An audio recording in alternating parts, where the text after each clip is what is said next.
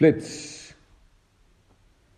Je boodschap binnen 10 minuten bezorgd tegen een vast laag tarief.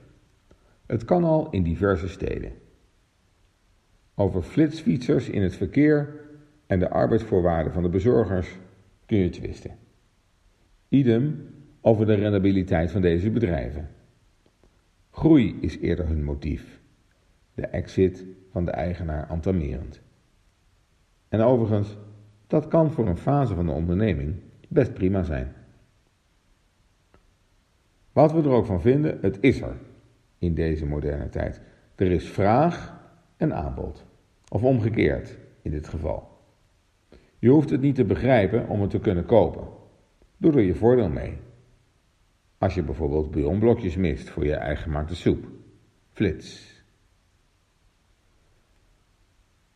De naamgever van ons kantoor, William Turner, was zijn tijd ver vooruit. Tate in Londen hangt vol met werk van deze Engelse Rembrandt. De expositie Modern Times laat schitterend zien dat Turner aan het begin van de industriële revolutie de keuze had tussen vernieuwen of mee blijven doen. Waar de meeste beeldend kunstenaars ontwikkeling negeerden, bracht hij met andere techniek en kleur energie in zijn werk. Hij koos voor onontgonnen terrein, voor transitie. Hij schilderde vooruitgang. En hij was het. Hij kreeg gelijk, vermaard tot ver na vandaag. Hoewel ik de oproep van deze tijd niet kan negeren, kom ik in de rust van deze zomer tot de conclusie dat er niets verandert. Uitgerekend ik, na het begeleiden van zoveel transities, ontdek dat er in essentie alles hetzelfde blijft. Er zal altijd oorlog zijn en vrede, altijd liefde en angst, problemen en oplossingen en, in bedrijfseconomische termen, altijd winst en verlies.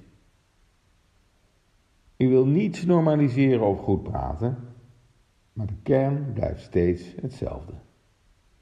Wel verandert de context ervan, het hoe, de attributie van techniek en vorm. Drones en data bijvoorbeeld geven ons steeds meer mogelijkheden rondom onze kern.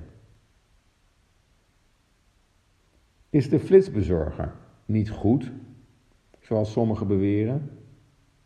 Is de eigenaar die groei boven winst plaatst, niet kosher? Ik herinner mij in een flits een onderzoek naar verschillende eigendomregimes dat ik in 2007 trok. Private equity had in die tijd afgedaan. In het onderzoek werden corporate, beursgenoteerde, familie, private equity en publieke organisaties vergeleken op continuïteit door rendement en tevredenheid. En er waren grote verschillen. Twee hoofdconclusies. A. Elke onderneming krijgt, zeker kiest, de eigenaar die bij de fase past. En B. De relatie met die eigenaar maakt of kraakt de vooruitgang. In a company is het vooral de company, het gezelschap, dat ertoe doet. De goede relatie met de passende eigenaar. De titel van het rapport zegt alles. In a good company. Vandaag de dag is het onderzoek nog steeds actueel. Startups vragen ander leiderschap dan publieke clubs. Maar vooral ook een heel ander eigenaarschap. Kies als organisatie de eigenaar die bij je fase past. En doe dan als William Turner. Ontdek de transitie en ontwikkel erin mee. De context verandert. Verander de context. Had ik van de zomer toch een beetje gelijk. Er verandert niets, al flitst het om ons heen. Wacht, Ik ben de cola vergeten. Even snel bestellen.